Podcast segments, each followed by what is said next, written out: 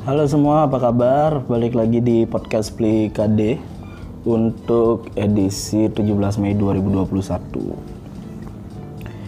Eh, kali ini saya akan bahas ada topik dikasih sama temen, terus dinotis juga sama teman yang lain. Coba bahas dong, eh, kenapa mantan kalau udah putus tambah cantik. Anjing masa iya sih? Enggak lah. Eh, nggak semua kali ya nggak semua mantan itu kalau putus tambah cantik nggak semua. Jadi ada mantan mantan yang brengsek juga nggak nggak cantik cantik amat sih. Kayaknya eh, kalau kita ngomongin eh, mantan itu bakalan ingat lagi kenangan eh, terakhir sama mereka. Jadi kalau kenangannya manis ya pasti ada harapan dari kalian yang ingin mereka balik lah. Tapi ya kalau kenangannya buruk ya jelek aja udah nggak usah nggak usah apa nggak usah kalian harapin lagi. Kalau kalian bisa notice mereka tambah cantik berarti kan masih ada harapan tuh. Iya nggak? Iya nggak? Iyalah. Eh, sorry eh, minggu lalu saya nggak ada bikin podcast. Nggak ada tag podcast eh nggak ada nggak ada waktu eh, karena di tempat kerja schedule harus dirubah. Ada pembaruan jadi seminggu itu harus ada saya harus ada kerja sorenya terus sama middle. Middle itu tengah setengah hari bukan setengah hari. Kerjanya di pertengahan bukan si pagi atau sore tapi di tengah-tengah dia. Terus dalam satu bulan harus ada tiga kali eh, kerja pada saat hari minggu ya penyesuaiannya lumayan lah karena kemarin juga udah nyoba sekali. Eh, setelah sekian lama hampir setahun dua tahun malah nggak pernah kerja sore. Tidak eh, terus kalinya kerja sore minggu lalu eh, pulang dari kerja anjing nggak bisa tidur sampai jam 4 sore.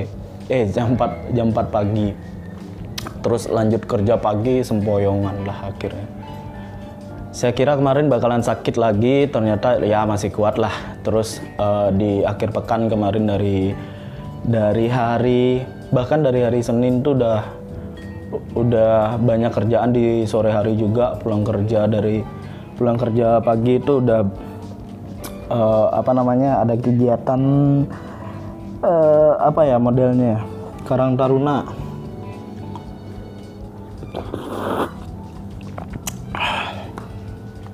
eh sorry. Karang Taruna kalau di Bali itu Karang Taruna itu eh, aneh ya aneh maksudnya kalau di luar yang saya tahu Karang Taruna untuk satu desa ya udah gitu. Tapi karena di Bali itu eh, desa itu ada dua maksudnya ketika kita ngomongin desa desa itu ada dua de- jadi desa dinas sama desa adat kalau di Bali jadi desa desa dinas itu di bawahnya eh, apa namanya? eh jadi sebelum masuk ke desa dinas itu di bawah apa? Sebelumnya itu karena ada undang-undang desa yang dikeluarin kalau nggak salah di zamannya Pak Jokowi udah itu 2000 berapa ya? Belasan kalau nggak salah. Nah, akhirnya kita disuruh milih eh, mau pakai desa dinas atau desa eh, eh, adat yang sebenarnya kalau di Bali itu lebih complicated ya untuk masalah pembagian seperti itu karena ada dia desa desa dinas atau kelurahan, kelurahan itu eh, beririsan sama desa adat. Em, misalnya nih eh, desa dinas itu membawahi 13 eh, apa? Dusun dusun ya dusun atau lingkungan. Nah kalau di kita di Bali itu namanya Banjar. Dusun itu namanya Banjar. Nah tapi di dalam dari 13 gitu misalkan 13 Banjar atau dusun itu ada beberapa desa adat lagi eh, yang membawahi. Menurut garis batasnya itu batas-batas adat yang dari dulu banget udah ada gitu. Jadi lebih eh, majemuk lah. Makanya pembagiannya itu nah secara secara kedinasan itu Karang Taruna harus ada eh, di kelurahan. Tapi eh, kalau di Bali itu secara kelompok pemuda gitu sebenarnya udah ada dari dulu dia di setiap dusun itu pasti ada apa namanya Karang Taruna. Nah kalau di Bali namanya Sekotruno Sekotruno Sekota Teruna Teruna gitu. Tapi baca kalau di Bali kan ada A dibaca E kalau bahasa Bali.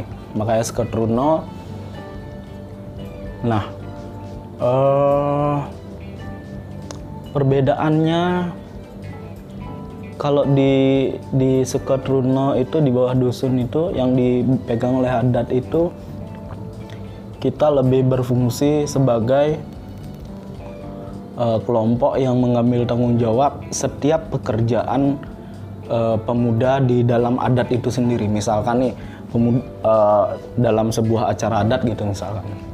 Udalan dah bilang.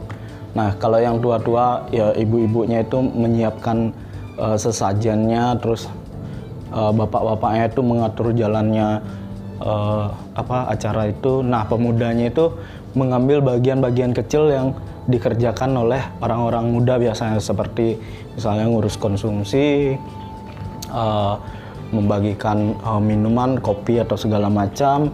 Nah, menghias uh, areal pura atau tempat suci yang seperti itu uh, termasuk juga hal-hal lain. Nah,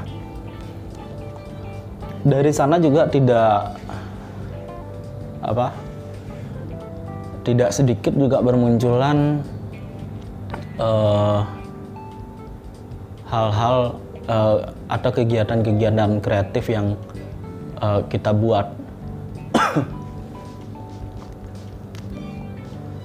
Uh, terus di Bali juga nggak sedikit juga tradisi yang memang dijaga benar-benar uh, oleh pemuda atau seketurunonya itu.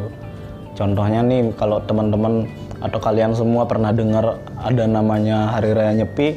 Nah satu hari sebelum Hari Raya Nyepi itu ada namanya Hari Hari Raya Pengerupukan. Itu biasanya uh, tradisi yang berjalan itu kita ada karnaval ogoh-ogoh atau pengarakan ogoh-ogoh. Nah ogoh-ogohnya itu secara uh, dominan itu dikerjakan oleh pemudanya bukan Banjar atau orang-orang tua tapi yang muda-muda. Nah, Suketruno lah yang terjun di sana biasanya. Itu terus kemarin ada ada kegiatan ulang tahun. Uh, jadi Suketruno saya uh, buat kegiatan lomba mancing Sebenarnya idenya berangkat dari kondisi sungai yang eh, apalah istilah pendangkalannya itu sangat eh, keras sekali terjadi teman-teman. Jadi di areal Denpasar itu untuk sungai sebenarnya sungai kecil ya karena sungai eh, apa bahasa Sodetan kalau nggak salah namanya. itu sungainya kecil tapi uh, efek terbesar itu setelah uh, 2017 eh 18 18 atau 17 ya. Jadi pada saat Gunung Agung meletus itu banyak pasir-pasir uh, terus uh, yang terbawa arus ke hilir. Jadi karena kita itu di bagian hilir nah pengendapan itu sangat keras lah terjadi di sana. Di samping itu juga kesadaran masyarakat yang masih membuang sampah uh, ke sungai itu uh, masih berjalan. Jadi karena kita yang di hilir dampaknya itu sangat keras sekali. Nah akhirnya kemarin kita buat kegiatan kita paksakan buat kegiatan lomba mancing di sana. Setelah bernegosiasi meminta bantuan untuk alat berat dan segala macam dari bahkan dari sebelumnya ketika ada reses dari uh, apa wakil rakyat atau apa. Kita selalu sampaikan bisa nggak uh, ini dicanangkan sebagai uh, sebuah program kerja dari desa untuk melakukan pengerukan? Di 2019 atau 20 tahun lalu udah sempat dilakukan pengurukan cuman hasilnya nggak maksimal karena dilakukan di satu titik dengan asumsi mereka atau yang uh, pemangku kepentingan keputusannya dengan asumsi kalau dilakukan di satu titik nanti eh, tanah-tanah atau pasir yang dari lebih hulu itu akan uh, turun lagi besoknya dikerjakan nah selama seminggu atau dua minggu kemarin tapi hasilnya nggak maksimal uh, dan efeknya nggak terlalu terasa. Jadi kemarin kita kerjakan, awalnya kita lakukan manual pakai scope lumayan berat, tapi uh, setelah itu karena belum ada bantuan dari desa yang bisa mendatangkan.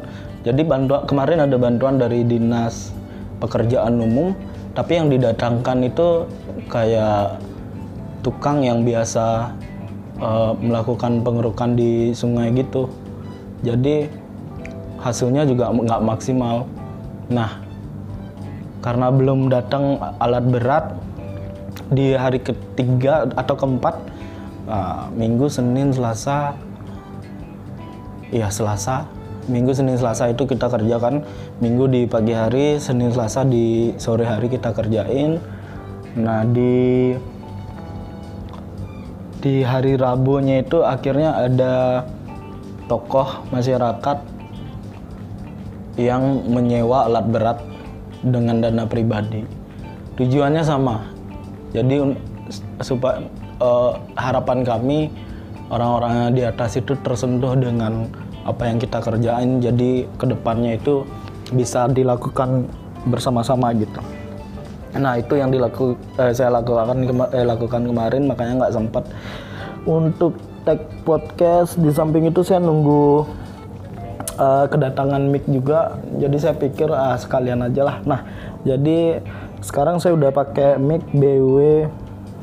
Ah, sorry kemarin saya akhirnya memutuskan untuk beli mic karena banyak yang komplain masalah kualitas uh, apa uh, mic-nya karena saya sebelumnya cuma pakai HP akhirnya saya beli uh, kayaknya hasilnya nggak nggak belum bagus-bagus banget tapi uh, semoga progresnya kelihatan. Teman-teman kalau ada yang notice perbedaan kualitasnya tolong kasih feedback uh, sekedar support lah ya.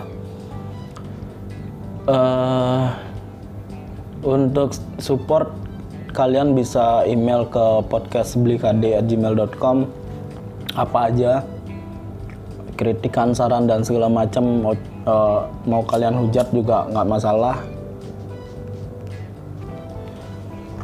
ah itu uh, apalagi ya mau usah bahas itu jadi kemarin sempat ketemu sama teman-teman terus uh, balik lagi ke awal yang tadi saya uh, mention masalah eh bukan masalah topik. Hanya saya jadi saya mikirnya lucu ya teman-teman kenapa kok kok masih ada ya orang yang berpikir kenapa ya mantan eh pacar kalau udah jadi mantan kok tambah cantik. Sebenarnya itu sugesti aja sih menurut saya karena jujur saya juga saya saya nggak mengalami di titik itu. Uh, saya punya punya otomatis saya punya mantan tapi ya gitu-gitu aja. Ya tambah cantik ya nggak juga sama aja. Toh kita udah tahu sifat mereka jadi saya udah tahu jadi pandangan saya nggak cuman dia cantik aja tapi oh ini orangnya uh, seperti ini oh ini orangnya seperti ini. Jadi saya udah tahu jadi saya nggak lihat cuman oh jadi oh jadi gini. Apa namanya? Kalau kalian misalkan masih melihat atau heran kenapa mantan kalian itu tambah cantik berarti selama ini penilaian kalian itu cuman di fisiknya mantan kalian. Iya benar.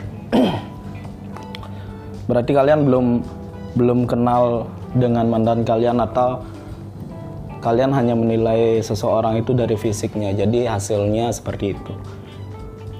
Kalian hanya notice ketika dia berubah jadi tambah cantik. Atau kalian putus. Atau uh, sebelumnya kalian putus. Atau ka kalian mutusin mereka karena uh, mereka jelek. Iya. Iya benar. Pasti kayak gitu. Tapi saya nggak ketemu jujur teman-teman saya banyak sih yang ngomong kayak gitu banyak sih yang nge-mention kayak kenapa ya mantan kalau udah putus tuh tambah cantik? Tapi saya nggak nemuin itu di dalam kehidupan saya loh.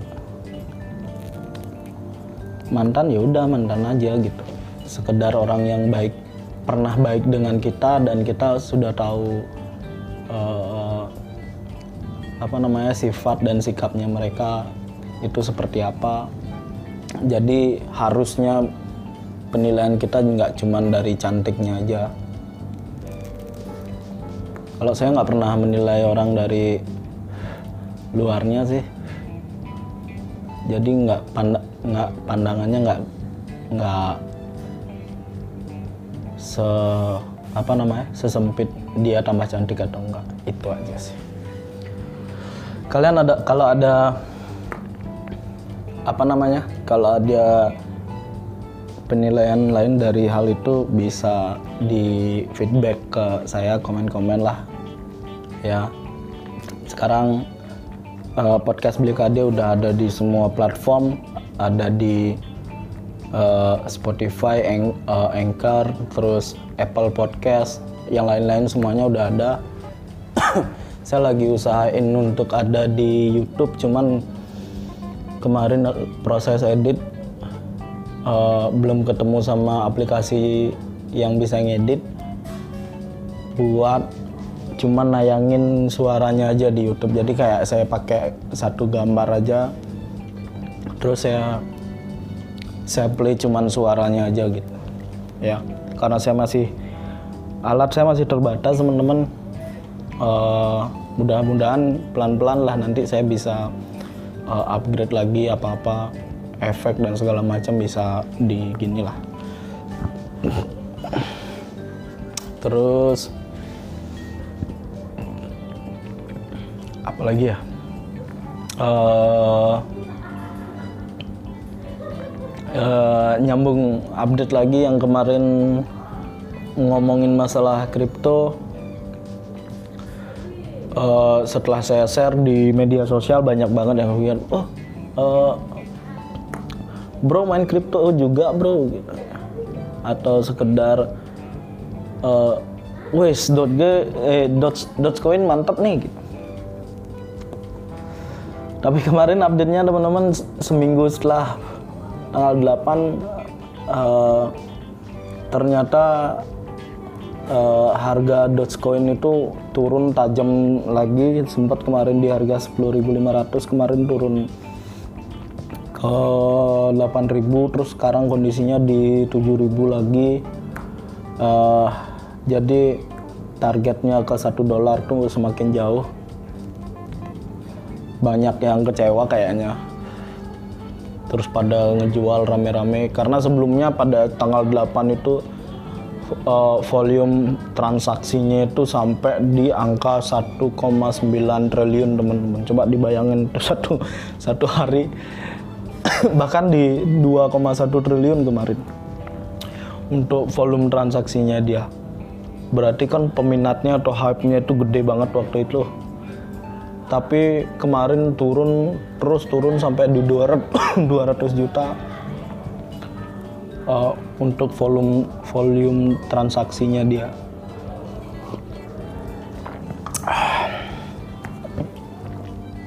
Balik lagi uh, apa namanya kalau udah ngomongin kripto itu ya risikonya emang gitu teman-teman. Jadi ada saya ada kok temen uh, yang dia beli uh, apa namanya misalkan ini uh, dia beli Dogecoin kemarin di harga 4 ribuan 4.800an kalau nggak salah. 4 ribuan di harga 20 eh sebanyak 25 juta rupiah. Itu dapatnya berapa koin? Nggak uh, tahu saya. Nah setelah itu uh, dia jual di harga 10 ribuan. Berarti dia untungnya terus dia jual jual di harga 10 ribuan uh, dengan total 50 juta. Berarti keuntungannya hampir 100% bukan hampir lagi 100% lebih malah. Terus ada juga yang dia uh, cuman beli-beli aja. Terus kemarin beli harga di 10.000 ternyata turun di 8.000 sekarang naik lagi ke nunggu naik ke 10.000 ya nggak dapat dapat jadinya uh, dia rugi. Ya itulah teman-teman risikonya untuk main di kripto. Makanya alangkah baiknya kita bekali diri kita dengan uh, pengetahuan mengenai analisa uh, market atau analisa teknikal mengenai uh, naik turunnya harga ini.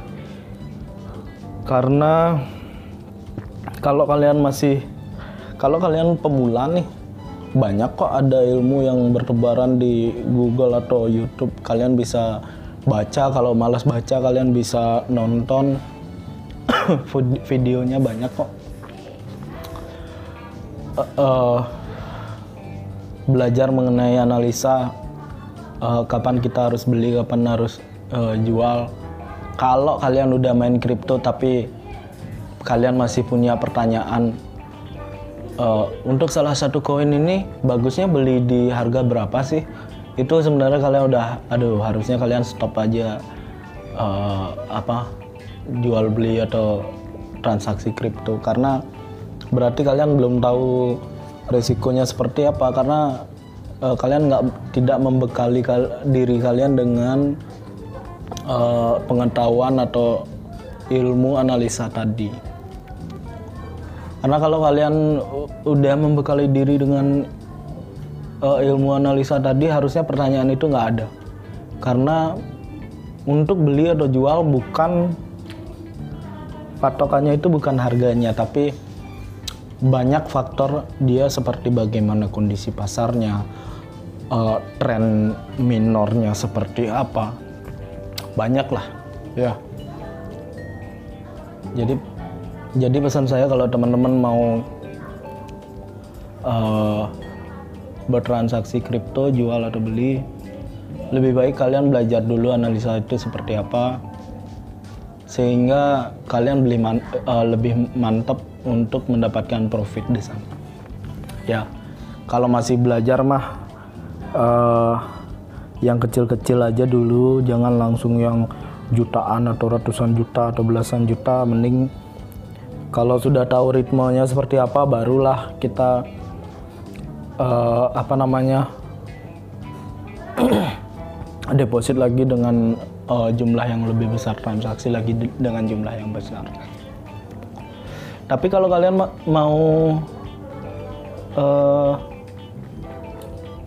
mau investasi jangka panjang itu sebenarnya di apa namanya di dunia maya itu sebenarnya banyak juga kok uh, apa namanya dikasih tahu koin atau token apa yang dia uh, peluangnya sangat gede untuk dijadikan investasi jangka panjang. Misalnya kalian mau pakai dia nabung nih, ada kok beberapa koin yang sudah pasti dia ke depannya pasti naik gitu. Jadi yang kalian lihat adalah uh, tren mayornya seperti apa. Jadi secara tahunannya dia akan naik atau turun, prediksinya berapa persen dia akan naik, proyek apa yang dimiliki oleh perusahaan itu ke depannya. Jadi itu kalian uh, bisa baca baca-baca atau cari-cari ilmunya di uh, dunia maya.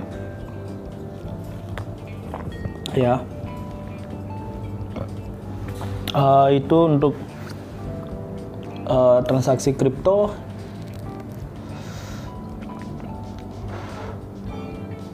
uh, terus ada ada kemarin pas kegiatan mancing ada ada apa ya? Jadi ceritanya saya kan nggak ngerti nih. Walaupun saya suka mancing ya saya saya suka mancing tapi saya mancingnya itu uh, kebanyakan di laut. Terus nggak yang secara intens gitu. Nah untuk lomba-lomba mancing mancing air deras lah galatama atau apa-apa itu saya belum pernah sama sekali ngikut. Jadi saya nggak tahu aturannya seperti apa. Terus kemarin juga posisinya bukan sebagai panitia. Cuman ikut berpartisipasi sebagai uh, anggota pemuda karena pemuda yang membuat kegiatan. Jadi kemarin pas uh, lomba itu banyak banyak banget pertanyaan yang ada di kepala saya. Jadi kayak oh ternyata lomba kalau lomba mancing di air deras itu ya entah secara semua kegiatan atau kemarin yang lomba mancing kemarin kita ada ini yang kayak gitu. Jadi nah jadi kan ceritanya lombanya dimulai dari jam 3 tuh. Nah dari jam 3 tuh orang-orang udah uh, apa namanya nyari posisi mancing pas uh, pemancing tuh udah nyari posisinya masing-masing. Setelah itu uh, ada penebaran ikan dari uh, tamu undangan. Nah, ternyata yang ditebar itu nggak semua loh. Jadi kenapa ya? Saya kurang ngerti juga apa alasannya itu. Jadi kayak ya itu disebar di beberapa titik. Nah, lagi 30 menitnya itu disebar lagi. Nah, setiap 30 menit itu disebarkan uh, ikannya itu disebar di beberapa titik. Nah, untuk uh, ikan master atau ikan yang besar-besar itu itu disebarnya ternyata terakhir teman-teman. Jadi sekitar 40 menit sebelum selesai acara, selesai waktu mancing itu uh, ikan master itu baru ditebar. Kenapa ya? Kenapa nggak dari, dari awal gitu nggak tahu yang lainnya uh, untuk lomba mancing saya juga nggak ngerti. Hmm. kemarin nggak ketemu alasannya. Hmm. jadi kayak kayak uh, ada ilmu baru lagi jadinya. Oh kalau lomba mancing tuh kayak gini ya. Tapi seru sih kemarin kayak uh, kalau dap kalau lomba mancing gitu kan kebanyakan alat pancingnya tuh kecil-kecil ya jadi kayak yang bobotnya nggak lebih dari 3 kilo lah hmm. dari pancingnya uh, reelnya rodnya uh, talinya juga saya yakin tuh nggak ada yang uh, bisa cover lebih dari 3 kilo. Nah, sedangkan masternya itu 5 kilo. Ternyata untuk master itu punya aturan sendiri. Jadi kalau kalian dapat master itu tali pancing itu nggak boleh dipegang pakai tangan. Karena dia tidak akan sah dianggap naik. Terus kayak apa namanya uh, kalau mau dipegang itu hanya boleh dipegang uh, kalau mau diangkat ikannya itu hanya boleh diangkat di bagian uh, mulutnya atau insangnya terus untuk jadi ketika na ikannya udah naik itu teman-teman uh, kalau ikannya udah naik itu dia uh, panitia akan ngecek posisi kailnya jadi kalau kailnya itu kena badan atau ekor atau yang lain itu akan tidak akan di, tidak dianggap sah oleh panitia. Jadi tidak akan ditimbang atau dihitung sebagai master.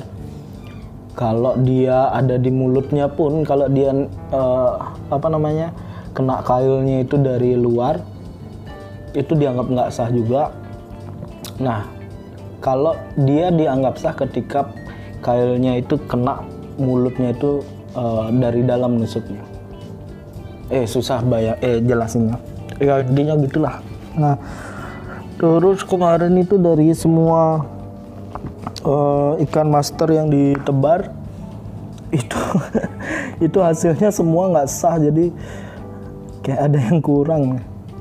Jadi kayak sebelum kejadian juga ada yang lucu. Jadi uh, 15 menit sebelum acara mulai uh, ini kan yang kita pakai ini sungai kan sungai yang masih aktif gitu nah terus kita kayak bikin kayak bendungan gitu di hulunya terus di hilirnya juga kita bikin bendungan terus di, diisi jaring biar ikannya nggak keluar dari sana.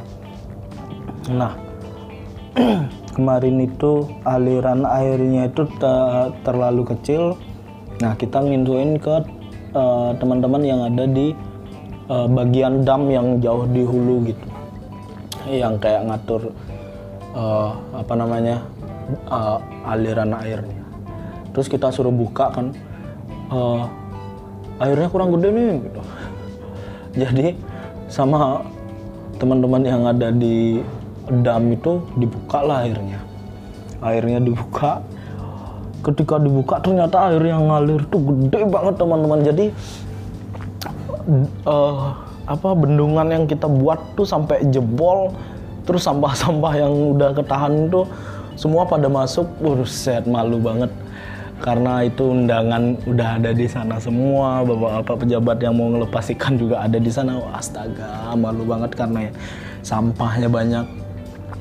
Terus karena kondisinya uh, sungainya kecil para pemancing yang dari luar juga apa nih nggak usah dikene tongos mancing gitu? Karena kita tujuan kita juga nggak nggak yang bikin yang wah banget cuman mau bikin sekedar kegiatan di masa pandemi apa sih yang bisa dibuat kecil-kecilan tapi yang penting ada aja gitu. Nah setidaknya ngasih pesan yang tadi saya sampaikan itu. Akhirnya jebol terus bapak-bapak terus ada dari pecalang dari pemuda juga turun ke sungai basah-basahan untuk benerin uh, bendungan tadi terus kayak dibantu pakai besi uh, stagger gitu biar lebih kuat. Terus nel pada panik semua lari ke dam. Uh, nel karena nelpon nggak diangkat-angkat akhirnya lari ke sana uh, buat ngecilin damnya. Ya lumayan lah. Uh, kerepotan kemarin. Tapi dari sana kita belajar gimana sih caranya ngatur sebuah acara itu biar jalan seperti yang kita harapkan gitu setelah itu kemarin malam selesai uh, langsung bongkar-bongkar sampai rumah udah capek nggak ada ngapa-ngapain lagi makan selesai itu tidur udah. Tuh ya, uh, untuk kegiatan saya. Tapi masih jadi pertanyaan tuh kenapa ya lomba mancing uh, ikannya nggak ditabur atau dilepas sekalian ya. Jadi dari awal lomba mancing tuh sampai akhir itu ikannya udah ada di kenapa harus nunggu setiap 30 menit? Kenapa ya?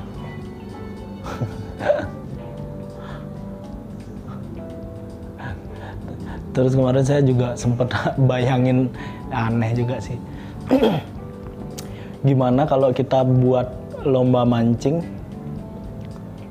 tapi tapi ikannya nggak mau makan uh, pancing sama sekali. Jadi peserta tuh nggak ada yang dapat ikan itu bakalan gimana ya? Jadi kemarin saya bayangin itu aneh. Ngapain saya bayangin itu? Eh, saya bilang ke temen dek coba coba pikir gitu. Coba bayangin sih. Men lomba mancing singnya menek bing kan ya nah sama sekali pemancing itu cuma beng kan ya galak ya bos.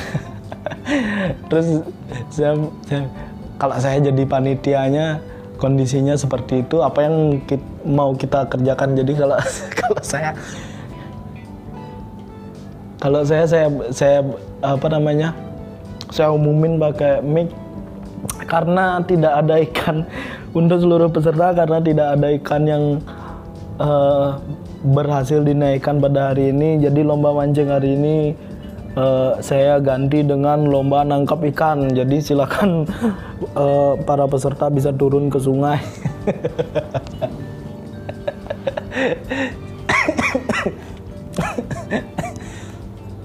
Jadi aneh. Apain saya bayangin itu ya? Tapi ada sih ada nggak sih kejadian yang kayak gitu? Karena kualitas airnya buruk gitu misalnya. Jadi ikan yang turun tuh eh, langsung stres eh, nggak ada nafsu makannya. Sama sekali ikannya nggak ada mah nggak tahu lah.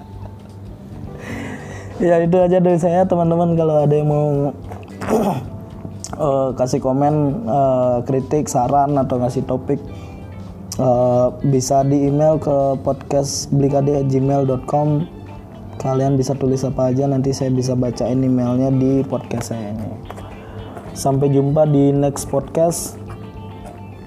Eh, semoga hari kalian bahagia. Bye